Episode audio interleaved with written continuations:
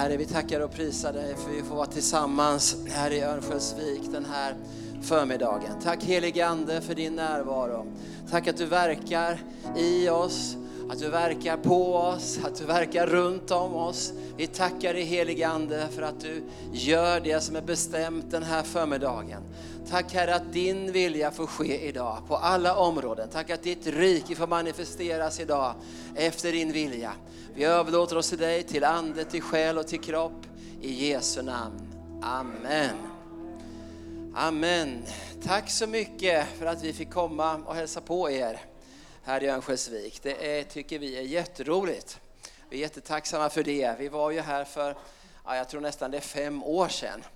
Det känns inte så länge sedan, men, men åren går snabbt faktiskt. Så det känns jätteroligt att komma tillbaka och besöka er och känna att vi är ett folk som kämpar på våra olika fronter. Ni här uppe i norr, för ni vet Örnsköldsvik det är väldigt mycket norr för oss. Även om vi vet att det finns saker ännu längre norrut. Eh, och vi i söder då i Gamleby som ligger på ostkusten i östra, östra delen av landet. Eh, söder om Norrköping, två mil norr om Västervik, då vet ni var vi finns någonstans. Ja, så att vi ligger vid kusten. Det gör vi precis som ni. Så är vi lite kustfolk också. Ja, jag ska ta och presentera teamet här så att om vi ber att ni kommer fram. Hela gänget.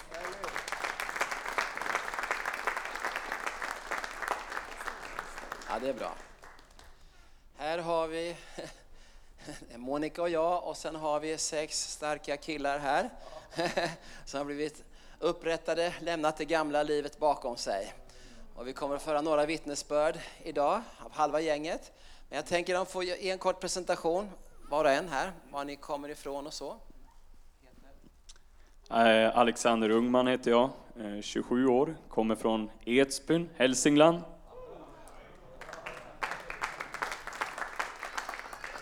Ja, jag heter Rickard Westling, kommer från eh, Sundsvall, men jag bor i Gamleby nu.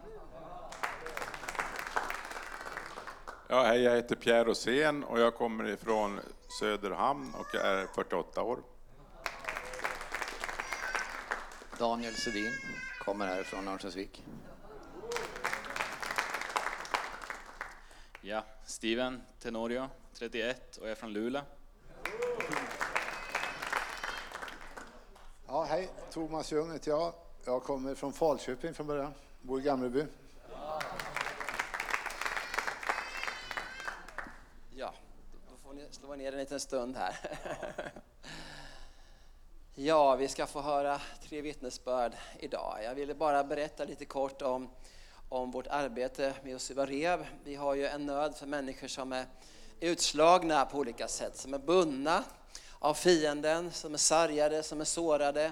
Och det finns ju många människor i Sverige idag som lever under betryck och bojor. Och vi vill ju nå alla människor, vill vi göra.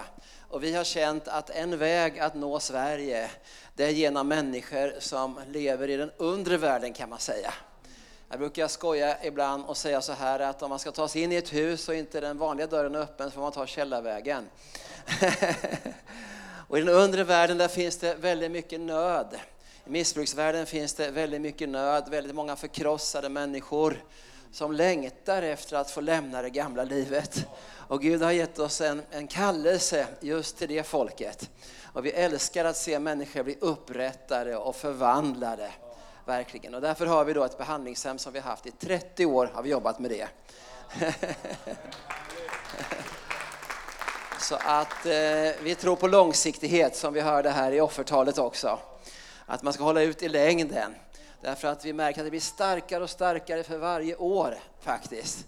Så blir det, kraftigare och kraftigare. Vi har sett människor bli upprättade och förvandlade nu i 30 år. Vi är väldigt tacksamma till Herren för det som han har gjort, för det är han som gör det. Vi kan hjälpa människor till honom, men det är han som gör verket. Och det är så fantastiskt att se eh, den nöd som Herren har i sitt hjärta. Vilken kraft det blir när man får nå människor som lever sargade och sårade och människor som längtar efter upprättelse. Det blir en sån sanktion i andevärlden. Därför älskar vi att jobba på det här området. Och vi, vi har ju som vi berättade för fem år sedan här en helt, helt specialgrej hos oss kan man säga. Det är ju så vet ni att i, i Sverige så är det väldigt svårt för vuxna missbrukare att få hjälp från kommuner och så här. För att man har minskat det, man satsar på öppenvård istället. Man får gå till öppenvård, man får bo hemma och så får man gå på samtal och man får medicinering och sådana där grejer. Men det är väldigt svårt för en vuxen missbrukare att få komma på ett behandlingshem. Och vi kände så här efter kanske 20 års arbete att nu får vi lägga ner det här om vi inte hittar på något annat sätt för det går inte att finansiera det längre. Men vi kom ju fram till detta som alltid att Herren, har Herren kallat oss till någonting så kan vi inte vara beroende av kommuner och landsting och stat och sådana där grejer. Va? Utan om Herren har sagt någonting, då funkar det oavsett om kommunen betalar eller inte. Va? Så vi bara tackade Herren för att det här kommer att gå ändå. Vi kör utan pengar. Och sen så, så fick vi det här eh, från himlen att vi skulle få människor som stöttar oss med 175 kronor i månaden. Det var ett väldigt bra offertal vi hörde här om det. Vi satsar, vi har inte sträckt oss så långt som till 200 än, men 175 har vi kommit till. Faktiskt. Så att på så sätt finansierar vi det här förstår ni. Så att de allra flesta som är hos oss, de har inget stöd från socialtjänsten alls. Utan vi tar emot alla som behöver komma, tar vi emot på Josua Rehab. Så att om det finns människor här i Örnsköldsvik som ni känner och som behöver en behandling, en rejäl behandling som funkar, då är de välkomna till oss. Även om det inte finns någon som backar upp. För att Herren backar upp vet ni. Och då ger vi en rejäl behandling på ett år. Ska man ha. Det ska göras ordentligt. Ska det göras. Ett år ska man vara på behandling minst. Och sen lite eftervård och lite utslut och eftervård på det vet ni. Sen är man en lärjunge som, som följer Jesus resten av livet utan återfall och sånt där. Sånt håller vi inte på med. Utan när man är upprättad så går man fullt ut resten av livet. Så är det faktiskt. Så vi har en ganska tuff behandling här på Josua Rehab. När man kommer dit förstår ni, det första man får göra det är att sluta röka och snusa första dagen. Ut med nikotinet första dagen. På en gång vet ni. och det är underbart om man har snusat sedan barndomen, som många har gjort vet ni. Kanske har snusat i 20, 25, 30 år. Det, det liksom är, är, är bara ett med både kroppen och själen. Och få sluta med det, vilken underbart genombrott första dagen. Faktiskt. Och vi har lärt oss det här att, eh, att det här med nikotin och sådana där grejer, det, det, det, man är beroende av det. Va? Och det är det ju så här vet ni att om man har ett beroende som stimulerar hjärnan på det här området så är det samma område som stimuleras med andra droger. Med alkohol och sånt. Va? Därför behöver man kasta ut allt sånt. Va? Och så att man stänger dörren helt. Annars är den lite grann på glänt. Och då är det lätt att den far upp om en dörr är på glänt, det vet vi hur det är med det. Va? Så därför så går vi fullt ut och slutar första dagen. Och sådär, va? så att det är bra om man är lite desperat när man kommer till Josua Rehab och känner att jag, jag har kommit till vägs ände, jag orkar inte mer, jag vill, jag vill ge allt för Jesus. Då är det kanonläge vet du, för upprättelse. Sen har vi ett tufft program, vi har en ram i programmet där det är bestämt hur man måste göra allting. Vet ni. Så att man, man måste följa programmet varje dag. Måste gå upp på en speciell tid, bara det. Man måste göra ordning på sitt rum, bädda sängen, fixa till sig och ha en liten egen stund med Jesus på morgonen. Det är obligatoriskt alltihopa det. Och sen har vi en samling halv nio där vi sjunger lovsång och prisar Gud och läser ett helt kapitel i Bibeln. Gör vi. Det är Guds ord tillsammans. Och sen ber vi tillsammans också. Sen är vi redo för dagen. Då är det frukost förstår Då får man laga frukost om man har köksvecka tillsammans med personalen. Och inte hur som helst, utan man måste laga som det är bestämt. Som personalen säger måste man göra. Och ni känner hur det tar i köttet här nu va? Ja, det är precis det som är meningen. Sen är det undervisning på förmiddagarna och så där får man höra Guds ord. Praktisk kristen undervisning om hur man ska leva och så där. Sen är det lunch, har man köksvecka får man laga lunch förstår ni precis som det är bestämt efter recept och som personalen säger. Och även om man är kock, som många är som kommer till oss, konstigt nog, men många som man säger att man är kock. Man kan laga mat, man vet vad som blir godast. Men man måste ändå laga som det är bestämt. Va? Sen är det praktiskt arbete, vi kapar och kliver ved, vi, vi, vi liksom skottar snö när vi har sånt och klipper gräs när vi har sånt och vi städar och vi grejar. Och då måste man städa som är bestämt, förstår ni. För städare kan betyda för en del fem minuter och för en del två timmar, så det är skillnad på städa och städa. Och, och hos oss är det två timmar då som gäller. Min. Så ni känner hur det tar i köttet det här hela tiden. Va? Liksom. Det är en sån där köttkvarn förstår ni på rea. Man mal ner den gamla naturen på det här sättet. Eh, så, så att det nya får bryta fram istället helt och fullt. Va? Och det här pågår hela dagarna, ett helt år. Varje dag är precis likadan. Så är det. Det är precis likadant. Det är inga sådana upplevelsekickar som vi håller på med, utan det enda man kan få uppleva är Jesus. Va? Det är det enda. Va? Och, det, och det är ingen kick, utan det är, det är verklighet. Det, va? Ja, så är det. Så, så att, eh, och sen har vi gjort det här programmet så vi har tagit bort mycket sådant som man flyr med. Vet ni? För att det är ju så här, när man lever i missbruk så flyr man från verkligheten därför att verkligheten är för smärtsam. Va? För det är så att man har mycket skuld i sitt liv. Man har mycket besvikelse, bitterhet, mycket skam och så här va. Som man har dragit på sig under årens lopp. Då är det smärtsamt att vara nykter alltså, för det gör ont hela tiden på insidan när man har väldigt mycket som man bär på i sin ryggsäck. Va? Och när man har ont på det sättet så brukar man kalla det för ångest. Och det är en folksjukdom idag i Sverige som man medicinerar mot väldigt mycket. Va? Men vi har en väldigt bra medicin på det, vi Sua mot ångest. Och det är att man får gå, gå och göra upp med det gamla livet. Man får, man får bekänna, man får göra upp med sin synd och rensa ut allt det här gamla på det sättet. Och då gör vi så på Josua Reba att vi tar bort alla sådana här saker som man kan fly i. Så vi har ingen TV som man kan sitta och följa alla serier och alla sportevenemang och sånt här. Va? Därför att då är man inte närvarande. Vi har inget internet där man kan surfa runt hela nätterna. Eller så finns inte. Utan man måste möta sig själv, sitt eget elände, sin egen synd och alltihop det där. Och sen har vi medicin mot det också. Och det är inte tabletter i första hand, utan det är syndabekännelsen och allt detta vet ni som kommer till. Och då blir man fri. Och så va. Så är det. Ja. ja, en mobil får man inte ha heller. Nej. Det får man inte ha. Nej. Men man får ha en bibel. får man ha. Det får man ha. Mobibel får man ha istället. Den kan man bära med sig överallt. Så det är bra grejer. Så att det här, det här ger resultat som ni förstår. va? Man får göra upp med nära och kära, man får familjesamtal och det är så mycket man får hålla på med. Vet du. Ett helt år får man mata igenom sitt liv. Och det här är helt bibliskt. Jesus hade också e, sitt eget behandlingshem brukar jag säga. Med tolv platser hade han och elva höll ut och en drog därifrån. Va? Så var det. Ja. Så att ibland behöver man ett rehab. Jag brukar säga att Moses han, han, han var väldigt stöddig när han växte upp.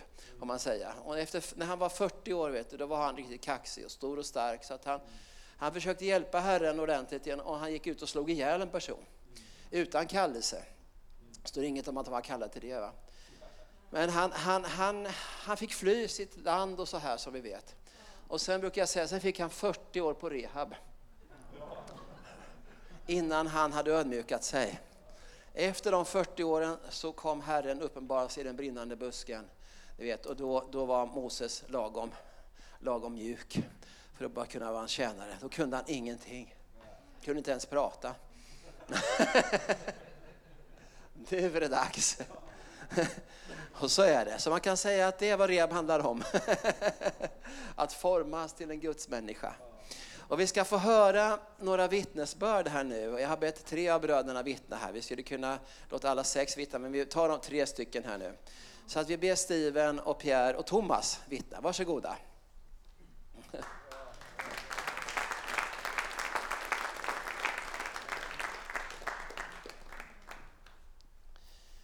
Då börjar vi med Steven. Ja. Hopp, tack så mycket för att vi fick vara här då. Vi fick komma hit. Det är en stor förmån för mig att vara här. Jag är uppvuxen i Luleå, eh, gick till Pingstkyrkan där. Jag vill bara säga att eh, Sandra här och David, jag känner dem sedan tidigare. Sandra hon var min eh, söndagsskolelärare Så hon har tagit hand om mig när jag var liten. det var väldigt roligt att träffa dem. Ja, så att jag är född i El Salvador. När jag var typ tre eller något så skildes mina föräldrar. Så att eh, då flyttade vi till Sverige. Eh, min mamma och jag och mina två syskon. Vi flyttade upp till Norrland ganska direkt. Eh, var uppe vid Kiruna och området där och bodde. Sen så flyttade vi till Luleå och där har jag vuxit upp. Jag är uppvuxen i en kristen familj. Då. Alltid fått höra om Jesus och fått gå söndagsskola.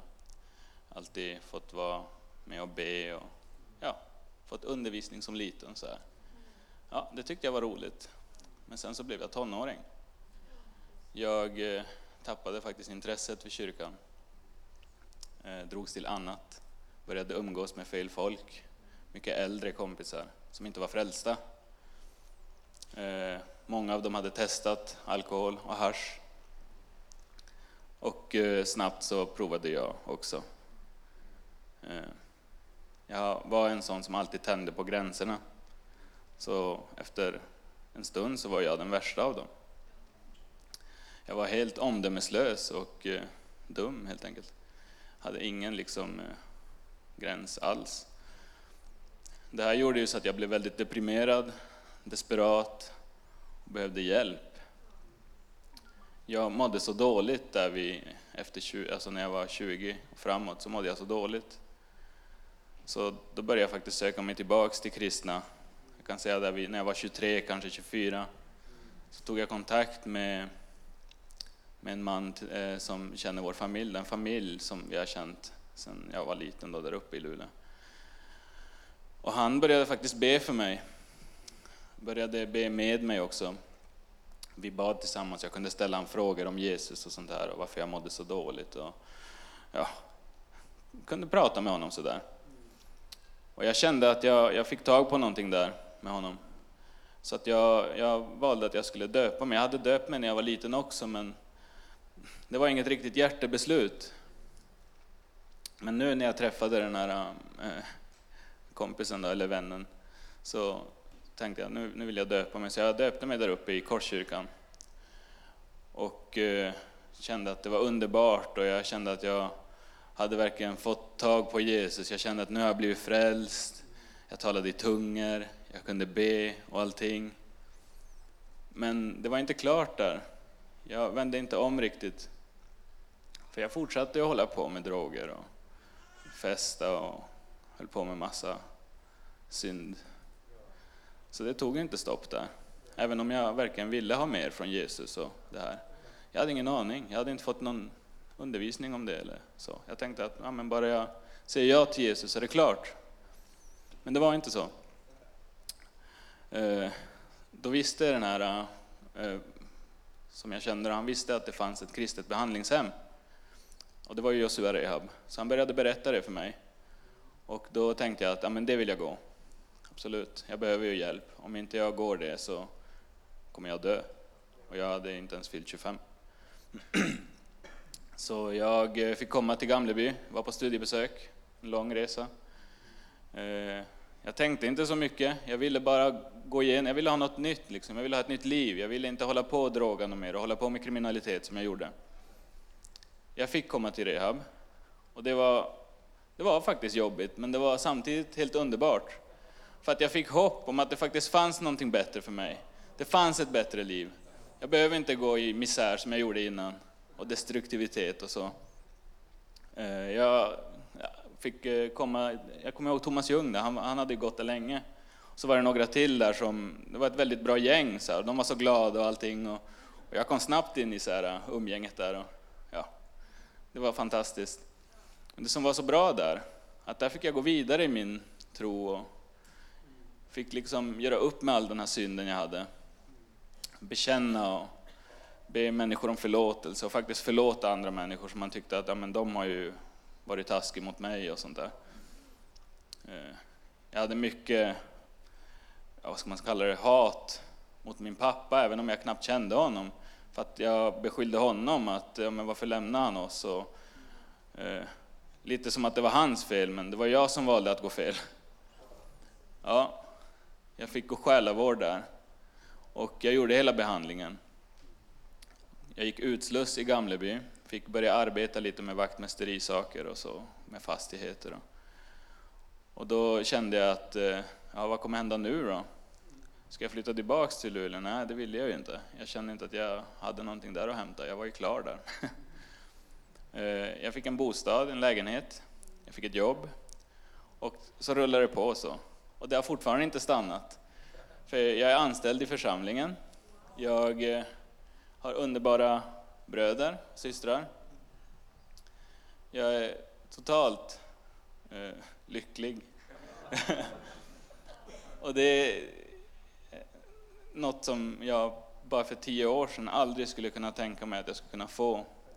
Det fanns inte på kartan liksom. Jag ska, jag ska faktiskt till och med gifta mig i september.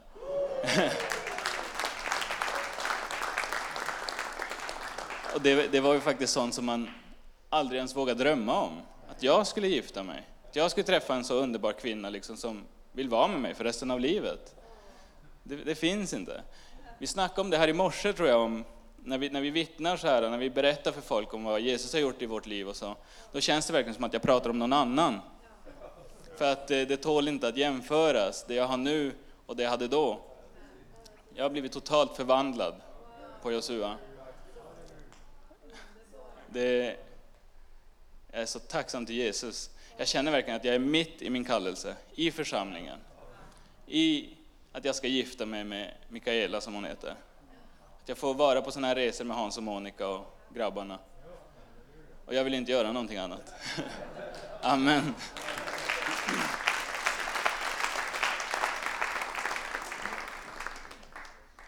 Hej allesammans. Jag heter Pierre och eh, jag har gått igenom eh, rehab och det är jättestort för mig. Jag har fått ett förvandlat liv. Jag mår bra idag.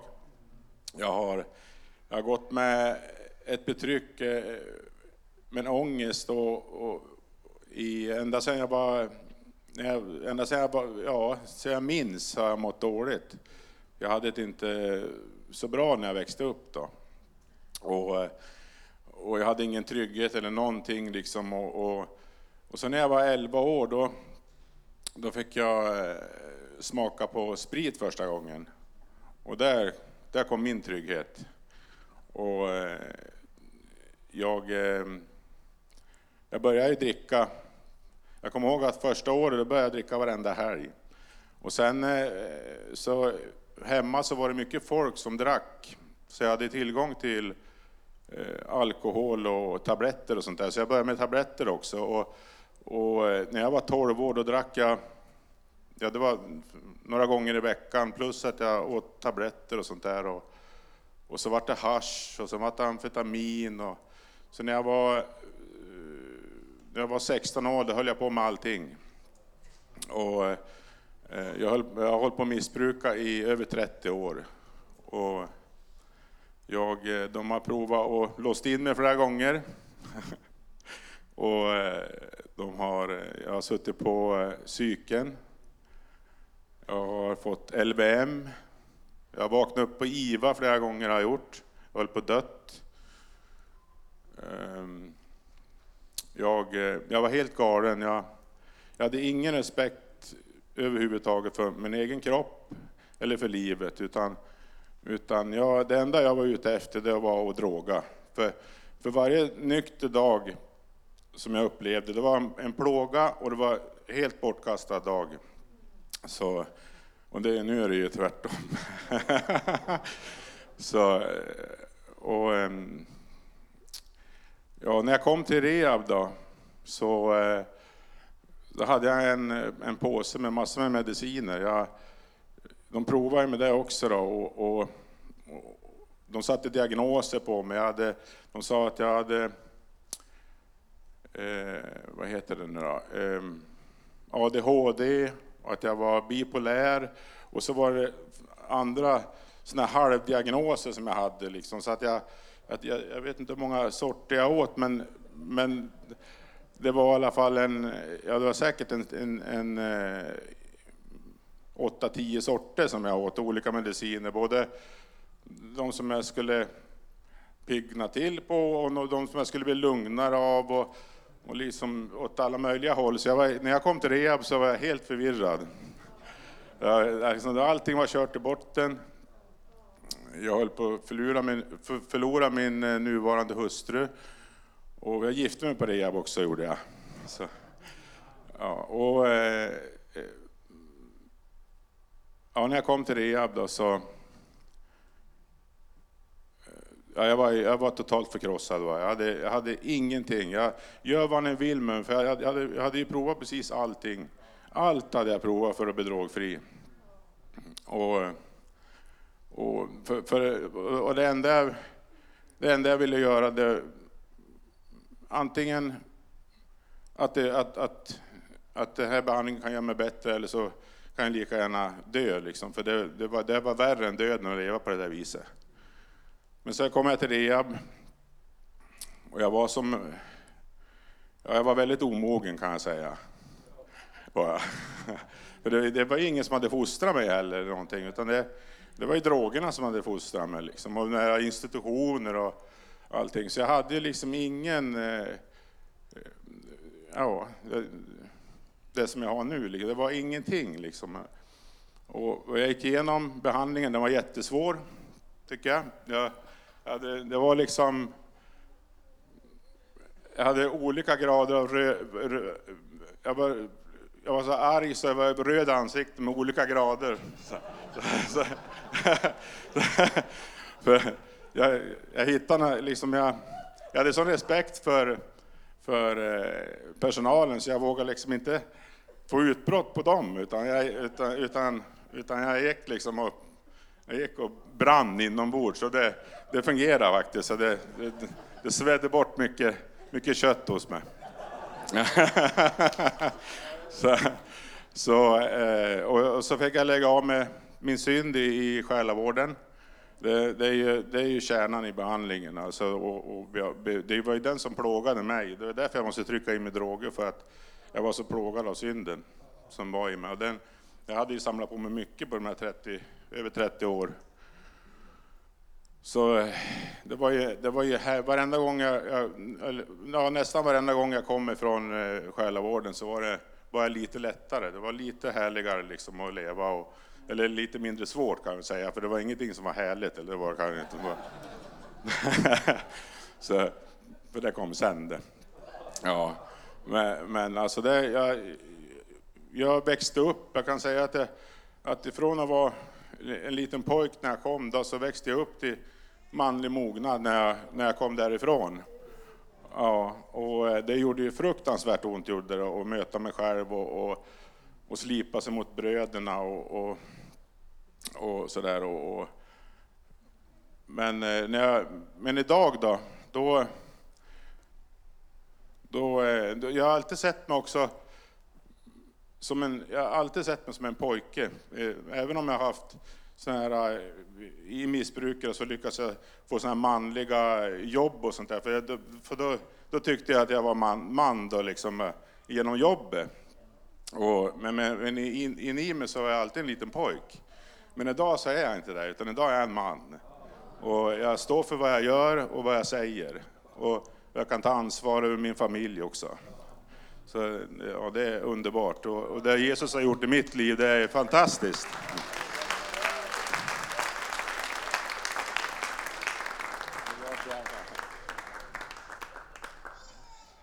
Underbart.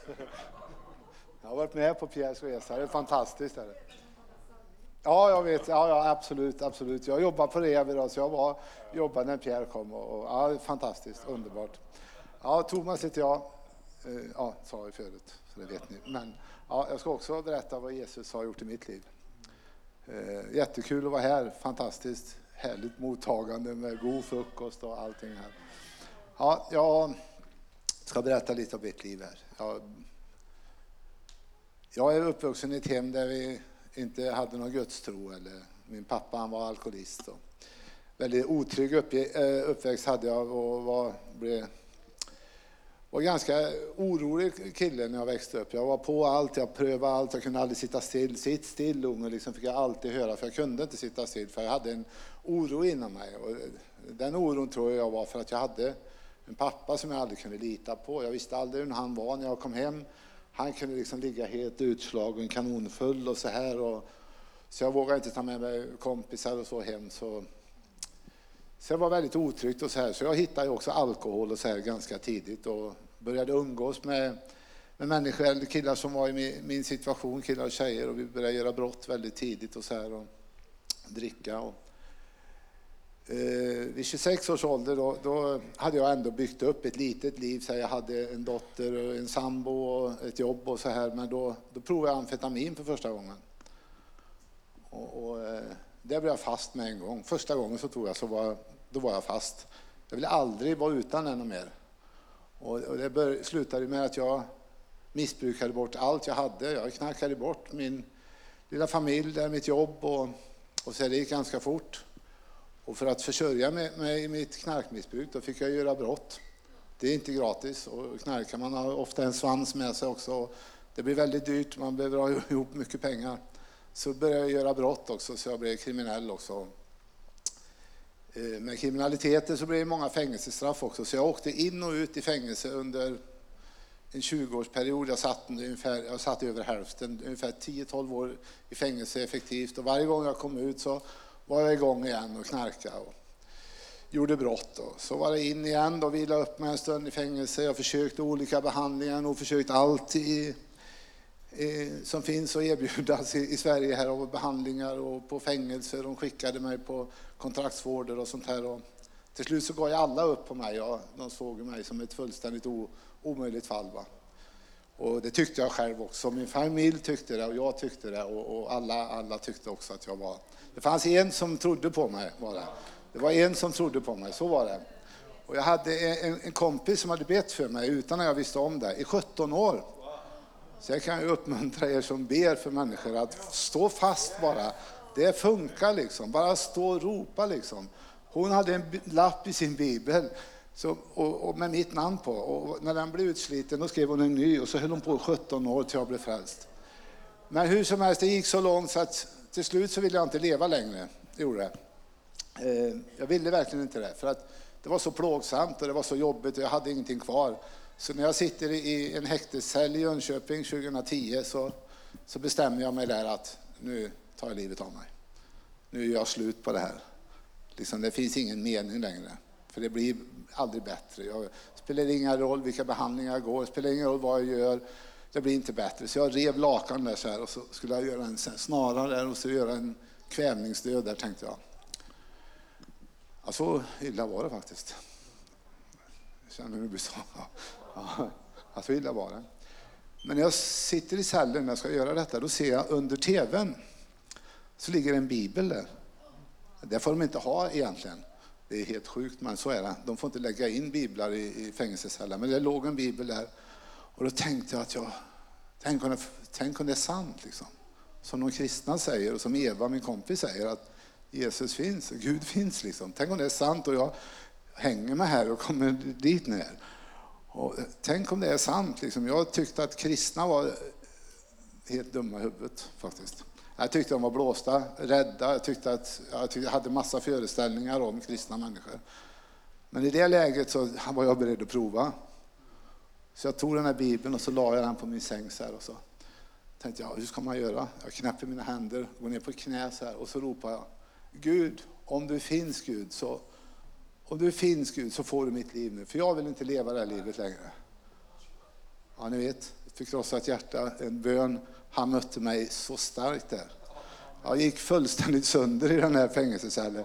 Fullständigt, som bara började gråta. Vet du. Och så bara, jag bara kände en sån otrolig frid och så började jag gråta. Jag såg min synd. Jag bara, förlåt Gud, vad har jag gjort? Liksom. Och, och, ja, det var, samtidigt som det var skrämmande så var det underbart. Va? Jag grät och skrattade, grät och skrattade. För jag hade inte gråtit på 20 år. Jag var helt förhärdad, va? jag kunde inte gråta. Men det gjorde jag det och så var det en röst inom mig som sa att nu är det över. Jag tänkte, Va? Vad är det som är över? tänkte jag. Nu är det över. Jag bara kände det var en sån förvissning inom mig. det var Gud som talade till mig. Och eh, ja, där blev jag frälst. Och jag fick möta en pastor där som sa att du har blivit frälst, sa han. Och det började jag berätta för de andra killarna där också. Började gå på promenadgården och berätta, titta jag läste i den här bibeln och jag bad och jag mötte Gud liksom och de tittade på mig. Det var några som också började läsa faktiskt. För jag var ganska känd som en riktig bråkstake, omöjligt fall liksom. Jag var känd som där på häktena och anstalterna. Ja, hur som helst så, det var ju fantastiskt. Nu var jag frälst liksom. Nu kunde mitt liv fungera. Så jag gick ut därifrån, fick åka på något behandlingshem där och så skulle jag ut och, och jag hade inte fått någon undervisning hur man skulle leva ett kristet liv. Jag visste ju, hade inte en aning om något. Jag hade mött Gud liksom och fått känna av hur det är att möta honom. Liksom. Jag vände inte om från mitt liv. Jag gjorde samma saker. Jag hade kvar samma beteenden och samma attityder.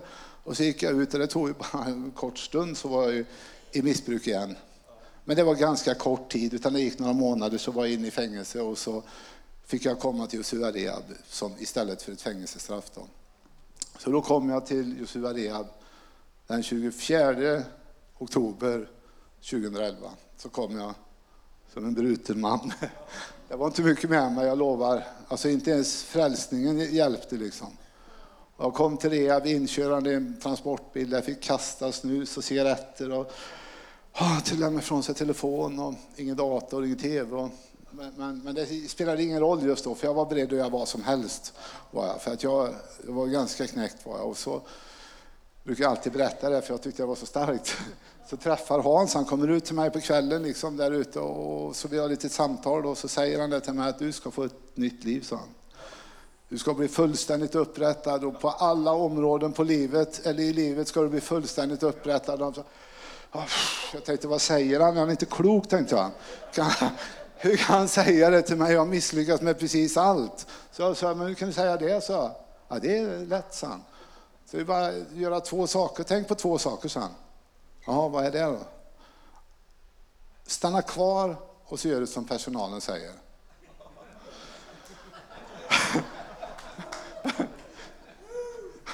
Det var som en stor sten föll från bröstet på mig. Så, vad enkelt tänkte jag. Jag har alltid krånglat till det så otroligt liksom. Och, och göra på olika sätt. Så det var enkelt liksom. Så jag bara stannade här. Så det blev liksom, jag bara tog emot det. Ja, jag ska göra det tänkte jag. Han får ta ansvaret för det här. Så lämnade jag bara över mig dit och så började jag göra det. Jag började göra som de sa. Jag fick börja göra som personalen sa. Jag följde de här reglerna, följde de här instruktionerna jag fick. Och det gjorde ju jätteont, det var ju skitjobbigt. Jag knöt också handen i- i fickan många gånger. Men jag tänkte, nej, han har sagt det, jag ska göra det. Och där fick jag lära känna Jesus. Va? Det var ju det som var det stora. Va? Där fick jag lära känna den heliga Ande. Och så han började tala till mig, han började undervisa mig, han började peka på saker. Och, och, och så här, jag fick gå själavård och, och göra mig av med allting, tömma den här ryggsäcken. Jag fick bekänna brott och synder. Och, jag tror det tog sex, sju månader bara att bekänna brott. Men det, var liksom, det var ju, det blir helande, det blir lättare för varje gång. Liksom. Så det var fantastiskt. Då.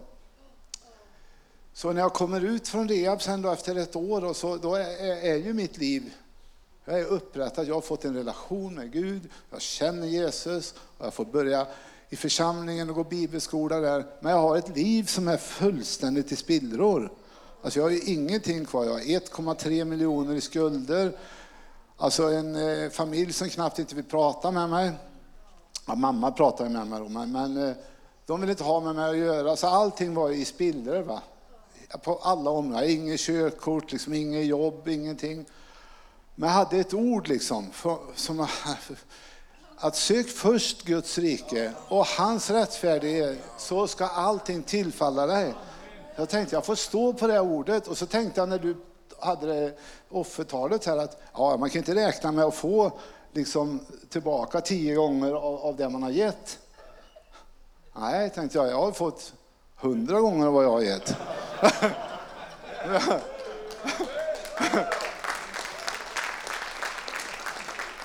Ja, för jag började liksom på, redan på rehab och ge tionde. Liksom, jag hade bara 200 spänn så jag gav 20 kronor varje vecka så här.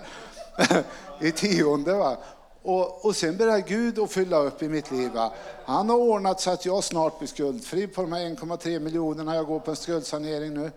Och alltså jag har fått ett jobb, jag har körkort och jag har en fru och jag har Alltså jag har en församling, underbara bröder. Alltså jag har ju fått allt. Vet. Jag har fått allt genom församlingen. Va?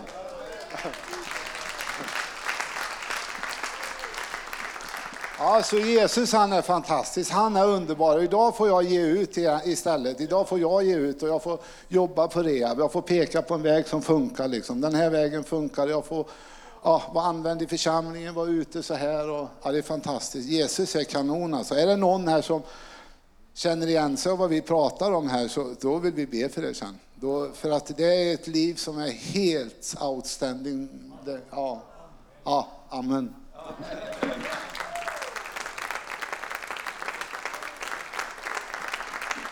Ja, vi tackar, vi tackar Jesus för det som han gör. Han är fantastisk, han kan, kan allt. Ja.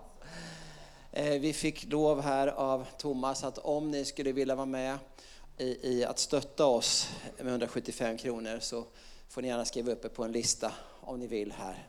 Vi hörde i offertalet här att man kan vara med på många ställen och välsigna. Eh, Och det gör då att vi kan vara oberoende av kommunerna och ta emot eh, människor som vill komma. Och nu har vi haft det här året, våren har vi haft 13 inskrivna. Det är två som har fått hjälp från kommunerna och 11 som har varit helt beroende av 175 kronors understödjare. Så att eh, är jättetacksam om du vill vara med. Vi ber för er varje dag som är med och stöttar. Vi bjuder in en gång om året till en helg där man får komma och titta på behandlingshemmet. Vi skickar ut lite, lite vittnesbörd varje kvartal om människor som blir upprättade och så här. Och eh, vi får stå tillsammans i det här och hjälpa människor ut i frihet. Det finns väldigt lite kristna behandlingshem i Sverige för att det är så väldigt mycket krav för att ha behandlingshem. Väldigt mycket kostnader och det finns väldigt lite inkomster. Så vill ni vara med och bära så är vi jättetacksamma för det. Så vi skickar runt en lista, bröderna gör det här och så sätter jag igång och predikar. jag har två saker samtidigt. ja, det som jag ville tala om idag var egentligen anknutet till det här, det är full, full upprättelse. är temat för min, min predikan idag. Full upprättelse. Jag känner att i Guds natur så finns en fullhet, en fullbordan som ligger i Guds hjärta. Där Gud skapade himmel och jord så gjorde han det klart. Va? Han såg att det var gott, han, han, han skapade himmel och jord, han skapade inte en halv himmel och en halv måne och en, en liten sol. Utan han, han gjorde det klart. Va? Det, han, han fullbordade skapelsen på ett sätt, gjorde han det. Sen, sen, sen, så, så att han, han gjorde det klart. Va? Och det ligger hela tiden i hans natur att få göra det. Vi kommer från en plats som heter Gamleby. Och egentligen är det en, en plats som från början hette Västervik. Hette den. Det är gamla Västervik faktiskt. Så att allting i den här tjusbygden började i Gamleby. gjorde det. Sen bestämde Erik av Pommern, om ni känner till den kungen, eh, på 1400-talet bestämde han att staden skulle flyttas. Så att eh, Västervik flyttades till inloppet av viken. Det finns en Gamlebyvik som går från Västervik nu upp till Gamleby. Den flyttades ner dit då på 1400-talet. Eh, och då blev ju Gamlebys utveckling avbruten kan man säga. Och stadens namn som var Västervik det blev istället den gamla byn och så småningom Gamleby då blev det. Och när vi kom till Gamleby så såg vi att Gamleby har alltid blomstrat men så hade avbrutits på något sätt. Så det var Gamleby kommun var det också under lång tid och det blomstrade i Gamleby. Sen så blev det kommunsammanslagning, så blev det Västerviks kommun och Gamlebys utveckling, utveckling den, den så att säga avstannade. Det blev inte fullbordat på något sätt. Va? Vi såg också att i Gamleby hade startats församlingar genom åren. Det var för länge, länge sedan startades någon metodistförsamling vi läste om. Men det blev ingenting med det. Så när vi startade Josua så kände vi så här att Josua står för fullbordan. Va? Därför att Moses han kom inte in i landet, men Josua kom in i landet. Han fullbordade kallelsen, han nådde ända fram va? på något sätt. Och just det här är någonting som ligger i Guds natur och i Guds hjärta, att nå ända fram. Och därför vill jag tala om full, full upprättelse. För ibland kan det vara så med oss människor att vi nöjer oss med en halv upprättelse. Att man till exempel om man håller på med droger och alkohol så är man glad att man är nykter och sådär. Och det ska man vara glad för att man är. Men det kanske att Gud vill göra mer än bara nykterhet. Vi är inte nöjda med att människor bara blir nyktra på vårt behandlingshem. Utan vi vill att det ska bli en fullständig förvandling eh, fullständig upprättelse. Så att man blir det som Gud har tänkt ifrån början. Att man når ända fram på något sätt. Att ingenting uteblir av det som Gud har tänkt i mitt liv. Utan jag får fullborda mitt lopp som Paulus talar om. Va? Det var det han brann för. Framför allt annat det var att fullborda sitt lopp så att säga. Att göra allt det som man var kallad till. Och det tror jag är någonting som Gud har lagt i oss alla. En längtan att fullborda. Att ingenting ska utebli. Så därför så passar den här predikan för alla. Va? Jesus passar alla som jag vet att eh, Livets ordförsamlingen i Oskarshamn hade som devis när de sponsrade hockeyn. Jesus passar alla. Så det var lite vitsigt. Den här predikan passar alla. Ja, för det kan finnas en tendens ibland att sätta lite låga mål så att säga. Att tänka att ja, men Herren han, han har gjort så mycket, han, han, vi får, man får nöja mig med det här nu. Att hanka mig fram lite grann och halta lite på båda sidor och så vidare. Det får bli mitt liv på något sätt. Va? Men när vi läser Guds ord så ser vi att det inte är så han har tänkt, utan han tänker fullständig upprättelse.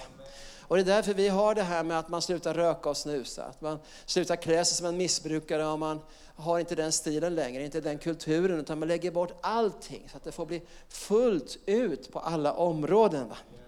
Och ni vet att i första Mosebok kapitel 18 så står det om, om Abraham och det står om Sara. Och det finns ett bibelord som jag tycker är så underbart, för det står så här att finns det då något som är så underbart så inte Gud förmår det. Ofta är det så här att vi inte vågar sträcka oss så långt, utan vi sätter en gräns på något sätt själva utan att Gud har sagt det egentligen. Utan vi gör det omedvetet så tänker vi att nej, men det här, längre än så här kan man nog inte komma. För det har ingen annan gjort eller något sådär. Så kan man tänka i församlingar, så kan man tänka i sin familj, så kan man tänka på olika områden. Och så sätter man en gräns för vad som är möjligt. Men finns det något som är så underbart så inte Gud förmår det? Finns det något som är för underbart för Gud? Nej, finns det något som är för gott? Så Gud säger, nej men det här är för gott. Så det kan jag inte göra, det blir för gott. Nej, det kan aldrig bli för gott i Guds rike. Va? För Gud är godheten. Kan någonting bli för kärleksfullt om man nu tänker på riktig kärlek och så? Nej, det kan inte bli för mycket kärlek, inte för mycket godhet. Kan det bli för mycket frid liksom? Nej, det kan inte bli för mycket frid. Utan allt det som, som, som Gud har är, är oftast mer än vad vi kan tänka. Vi hörde brödernas vittnesbörd här. De kunde inte tänka sig att de skulle kunna få ett sånt liv när man levde i det gamla livet. Men när, när, vi får gå med Gud och när vi ger upp våra liv och börjar följa honom, då vidgas våra ramar, då vidgas våra begränsningar. Då flyttar vi ut våra tältpluggar som det står på något sätt i våra sinnen så att det kan bli så fantastiskt mycket mer. Ibland när jag hör sådana här teologiska diskussioner, som man kan höra ibland om olika saker i kristenheten, om vad Gud kan och vad Gud förmår och vad Gud vill och sådana där saker. Då brukar jag alltid hålla på den som tror mest om Gud.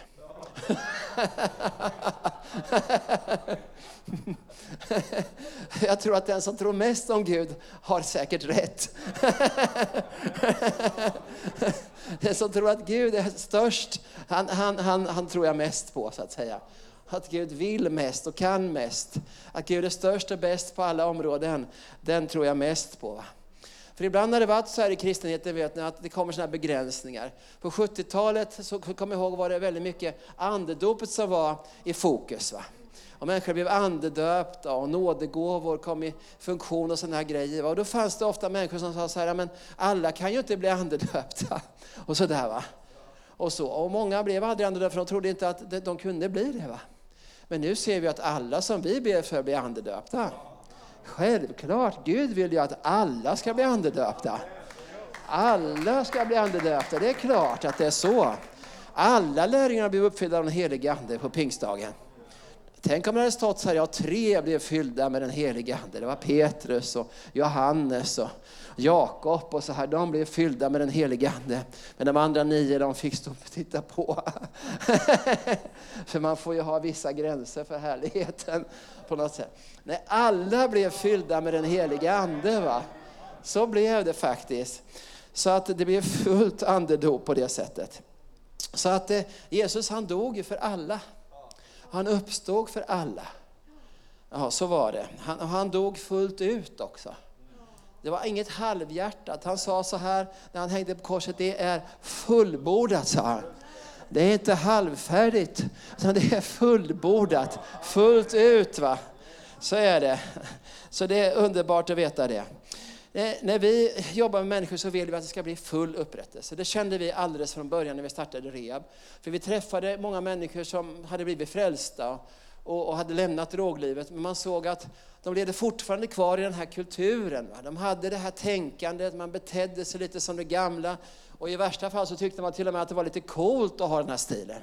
Och vi kände att det här är inte bra liksom. Det måste bli, gå till botten, det måste bli full upprättelse. Annars så trillar man snabbt tillbaka.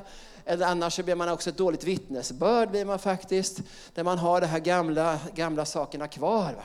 Utan vi måste riktigt få en riktig rensning, en riktig köttkvarn. Måste Herren få till. Så att vi kan få människor som blir fullt upprättade. Och när vi jobbade med det här vet ni, så såg vi att det som verkligen behövdes i människors liv, det var en rejäl omvändelse. För det kom människor till oss som hade gjort starka upplevelser med Gud, som vi hörde här, som hade mött Gud och upplevt honom starkt och så vidare. Men ändå så kunde de inte låta bli drogerna. Va? Och de citerade bibelord och de använde saker på fel sätt för att tala om att det inte på något sätt kunde bli bättre än så här. Man använde Paulus undervisning som att köttet inte gick att övervinna ungefär, fast det handlar om tvärtom. Och sådär va. Och vi kände att så här kan det inte vara. Liksom. Gud blir inte ärad om det inte blir en full upprättelse. Och då visade Herren oss en, en modell för det här, som inte var något nytt, utan var något riktigt, riktigt gammalt. För det står om det i Bibeln. Och det var omvändelsen. Och när jag var här förra gången så, så visade jag en liten gångövning. Jag ska visa den en gång till, för det kan ju vara någon som, som inte var här förra gången. och då brukar jag säga så här, vet ni, att innan, innan man är frälst så är vi bortvända från Gud. Så om Gud är där borta så har människan sin rygg mot Gud ända sedan syndafallet.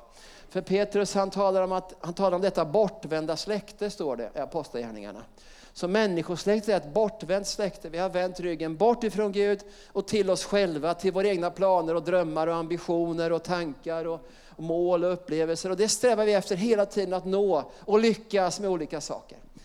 Och många människor de lyckas ganska bra, andra lyckas sämre. Va? En del misslyckas och sådär. Va? Det är lite olika hur det funkar. Va? Men det är samma sak för oss alla, va? vi är bortvända från Gud, så här är vi. Vi går vår egen väg. Och när vi går vår egen väg så kan vi möta Jesus. För han är ju vänd åt rätt håll. Vi är vänd åt det hållet, han är vänd åt rätt håll. Och vi kan möta Jesus då när vi går vår egen väg. Genom ett vittnesbörd, genom en bibel i cellen. Eller genom att vi ropar till honom eller på ett möte. Eller på, ja, vi kan möta honom var som helst egentligen. Och då när vi går vår egen väg så möter vi Jesus. Och många människor säger så här som bröderna vittnade här att jag mötte Jesus och det var underbart. Jag blev så glad och jag fick så frid och det var härligt att möta Jesus. Därför att det är underbart att möta Jesus. Vi känner hans glädje, vi känner hans frid, vi känner hans godhet och kärlek framför allt känner vi. va. Men om vi inte får undervisning om vägen så är det väldigt lätt att vi möter Jesus och sen tänker vi så här, nu mötte jag Jesus, nu ska mitt liv bli jättebra. Va? Nu ska han hjälpa mig så att jag lyckas bra i mitt liv. Och så tänker jag att jag fortsätter min väg så här och Jesus han går, han vid min sida går som vi sjunger i en sång, eller kanske lite bakom så att han inte stör för mycket. Och så, och så flyttar han på alla hinder så här. Han beskyddar mig, han hjälper mig när jag går min egen väg så här. Va? Och så ska jag lyckas bra och komma till ära och så. Va? Ja. Så är det många som tänker eh, att det ska kunna funka. Och att Jesus blir min sponsor helt enkelt. Han sponsrar mitt liv. Det vore ju kanon liksom, för den gamla människan i alla fall. För det gamla köttet att om man får bli sponsrad av Gud, vilken framgång va? det skulle kunna bli. Men när man försöker den varianten så verkar man ganska snart att det funkar inte. För att, för att Jesus vägrar att bli min sponsor. Han vill inte sponsra mitt liv. Utan han vill att jag ska dö bort från mitt liv. Då kan han ju inte sponsra det. Va? För det står ju i Guds ord att den som mister sitt liv, han ska vinna det. Men den som vill bevara sitt liv, han förlorar det nya livet. Så här upplever vi att den stora knycken sitter i rebarbetet och egentligen för alla människors upprättelse, alla människor oavsett vilken bakgrund vi har, så är omvändelsen nyckeln till livet. Därför att det är omvändelsen som får del av livet. Och därför är det en katastrof om vi försöker leva ett kristet liv på den här vägen. Då blir vårt liv som det står att det ska vara i de sista dagarna så ska människorna ha ett sken av gudsfruktan men inte vilja veta av dess kraft. Va? Det blir ett sånt liv. Och eh, du vet att när vi möter Jesus då på den här vägen så säger han ju om vi lyssnar på honom, följ mig säger han. Han är på väg åt det hållet, jag är på väg åt det hållet. Och då klart om jag ska följa honom då, då krävs det en förändring i mitt liv. Inte i Jesu liv, inte han som ska ändra sig. Så jag måste ju helt enkelt omvända mig nu som vi ser här. Va? Nu mister jag mitt liv, nu lämnar jag mina planer, mina drömmar, mina ambitioner, mina tankar bakom mig. Va? Och när jag gör det så öppnas ett helt nytt liv. Som jag inte kunde se när jag bara var fokuserad på det här livet. Så egentligen sker det som står i Efesierbrevet 1, när jag gör det här att mina hjärtans ögon öppnas. Och vi ser det så tydligt på Rehab, när en människa kommer som är oomvänd och när hon bestämmer sig för, jag ger upp, jag kapitulerar, jag lämnar mina planer. På en gång så öppnas ögonen, hjärtats ögon och man börjar se sig själv i ett nytt ljus. Man börjar få uppenbarelse, man ser sin synd och man kan inte förstå hur man ens kunde tänka på att hålla på på det sättet. Va? Och man, börjar, man, börjar, man lämnar synden och börjar vandra det nya livet. Så det nya livet blir ju att, att jag följer Jesus. Jesus går före, jag går efter. Och så här va, först kommer Jesus brukar jag säga. Sen kommer jag och efter mig kommer under och tecken. Det står ju det i Markus 16. Dessa tecken ska åtfölja dem som tror. Så att vi följer inte under och tecken utan vi följer Jesus. Och under och tecken följer oss istället. Så funkar det ju va, lätt som en plätt. Vi följer Jesus och tecknen följer oss. Det är rätt lärjungaskap. De tillfaller oss under och tecken. För när vi följer Jesus och gör saker som han kallar oss att göra som inte går att göra. Han säger ofta saker som inte går att göra Jesus. Han säger ofta saker som, inte, som man inte kan göra. Det sa han till lärjungarna hela tiden. Ge ni dem att äta, sa han till dem. Fast de inte hade någon mat. Men vad gjorde de då? De tog det de hade och började dela ut. Vad hände då? Under och tecken åtföljde. De gjorde ju inga under och tecken, de bara delade ut mat. På Jesu ord. Och under och tecken, de, de, de, det bara jagade de under och tecken va? hela tiden. Så det var väldigt enkelt så att säga. Och det nya livet då som blir i omvändelsen, det blir, det blir enkelt på ett sätt. Det kan vara mycket kamp och så, men det blir enkelt för det är han som gör det. Va? Och jag brukar säga så här med omvändelsen, att omvändelsen är som en pizzabotten brukar jag säga. Ni vet att pizzabottnar de, de är ju likadana allihopa. Eller hur? De är jämlika kan man säga, pizzabottnarna. Det finns inget glamoröst med pizzabottnar. Det är ingenting man går och frågar efter på pizzerian. Vad har ni för pizzabottnar? I alla fall inte jag. Det kanske en del gör. Jag är väldigt intresserad av pizza. Man tittar ju vad det finns för olika, om det är sån där Vesuvio, Capricciosa, allt vad det heter, Hawaii och sånt där kan man titta på. Eh, men man frågar ju inte vad, vad det är för botten direkt. Va? Och, och Så jag tänkte jag skulle ha en riktig bottenpredikan här idag nu. Om botten i våra liv. Därför att det är som en pizza, att det kan aldrig bli en pizza utan botten. Hur tråkig en pizzabotten än är, så hjälper det inte hur mycket skinka och champinjoner och tomater och gurkor och eh, allt vad det är man lägger på pizzan. Räkor och sånt där va, som man har, ost och sånt. Eh, eh, tomat, ja. Allt vad det kan vara för någonting vet ni. Ni får fantisera lite vad ni har på pizzan här. Eh, det, det, det, hjälper ju inte alltså hur mycket, hur, mycket, hur mycket man har om man inte har en botten. Va? Det blir ingen pizza ändå. Va? Eh, och så är det med det kristna livet också, att det hjälper inte hur mycket gåvor vi har, liksom, hur mycket upplevelser vi får. Va?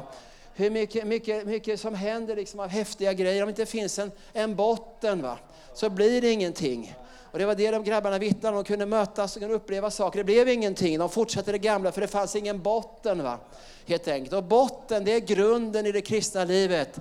Det är bland annat omvändelse. Paulus talar om det till, till en församling. Han säger, ska jag på nytt behöva lägga grunden med omvändelse och, och, och, och lägga bort gamla gärningar och sånt här. Det är grunden som ligger där. Och har vi den grunden, då kan vi lägga på all annan fantastisk undervisning. Alla, alla upplevelser om vi bara har en botten att lägga den på. Va? Jag läste om en pizzeria här uppe någonstans i norr. Jag kommer inte ihåg var det var någonstans, om det var Luleå kanske det var någonstans. De hade uppfunnit en ny pizza faktiskt som var extra av allt. Alltså det, det var, det var, jag tror den hette Vulcano hette den, ja just det. Vulcano, för att de hade gjort pizzan som små vulkaner och så fanns det massa vulkaner med allt tänkbart i de där vulkanerna då så att säga. Jag vet inte om ni skulle gilla en sån pizza. Nej, det gillar de inte här på första bänken. Men när man lägger en grund med riktig omvändelse, då blir det kristna livet en riktig vulkan. Va? Att allt som, som finns i Kristus kan vi bli välsignade med. För det står i Efesierbrevet att vi är välsignade med all den himmelska världens andliga välsignelser i Kristus Jesus. Så att det, det, det är det vet ni, som, som är härligt, att där finns det allt i Kristus. Och därför blir det så här då att när vi vänder om då, har gått vår egen väg och, och vänder om så här, så, så, så lämnar vi köttets gärningar. Vi har levt i oss själva här, nu kommer vi in i Kristus.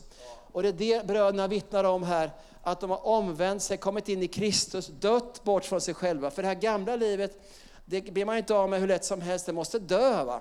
Det handlar om, i Romarbrevet om det här, om vi har dött med honom ska vi också leva med honom. Om vi har blivit sammanvuxna med honom med en lika död ska vi vara sammanvuxna med honom med en lika uppståndelse, står det.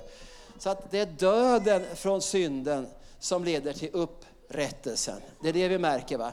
Så att utan död, ingen uppståndelse. Så om vi inte dör bort från oss själva så kan inte uppståndelsekraften, samma kraft som uppväckte Jesus från de döda, komma in i oss. Utan det är genom döden, i dopet är ju begravningen och när vi kommer upp så är det ju uppståndelsen. Det är det livet som vi hjälper killarna här att leva fullt ut. Och det blir ju ett liv i Kristus. Och leva i Kristus, som är, det är fantastiskt. För att där har alla löften, står det, fått sitt ja i Kristus Jesus. Där finns visdomens och kunskapens alla skatter fördolda i Kristus Jesus. I, där är vi rättfärdiga. Vi är rättfärdiggjorda i Kristus Jesus.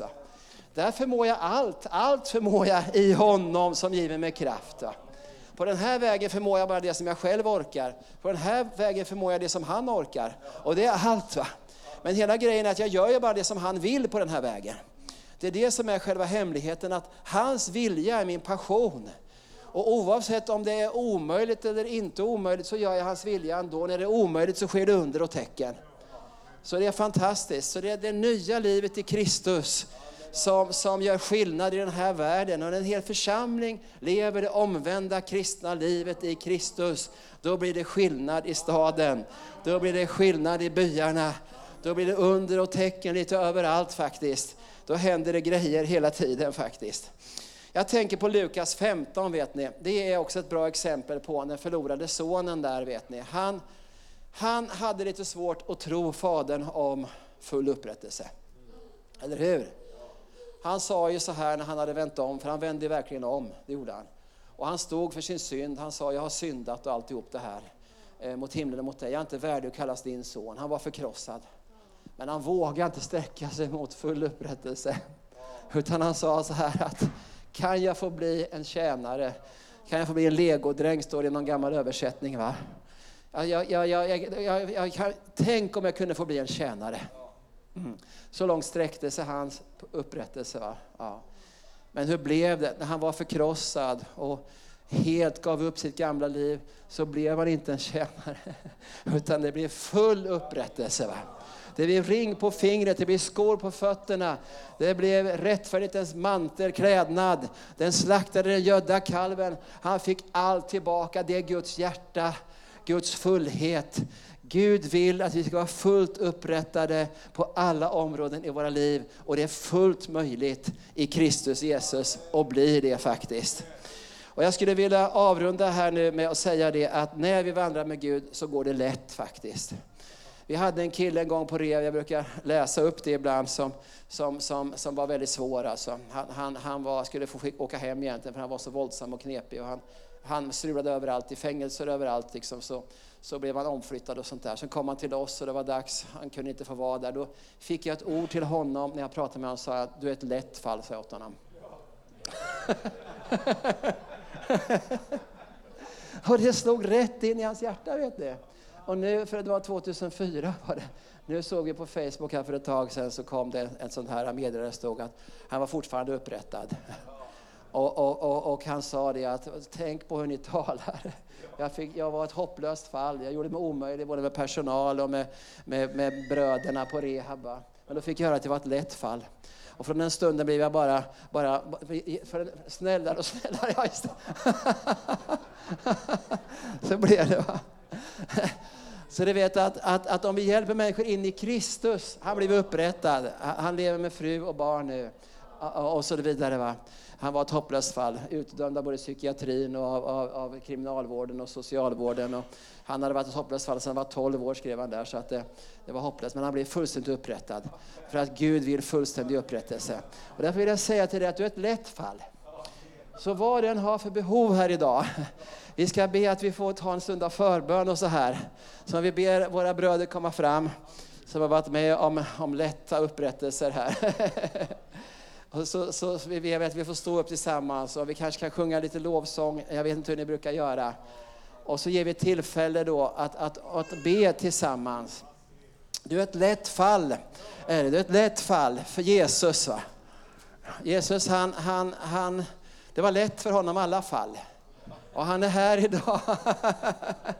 Det var svårt för lärjungarna men lätt för Jesus.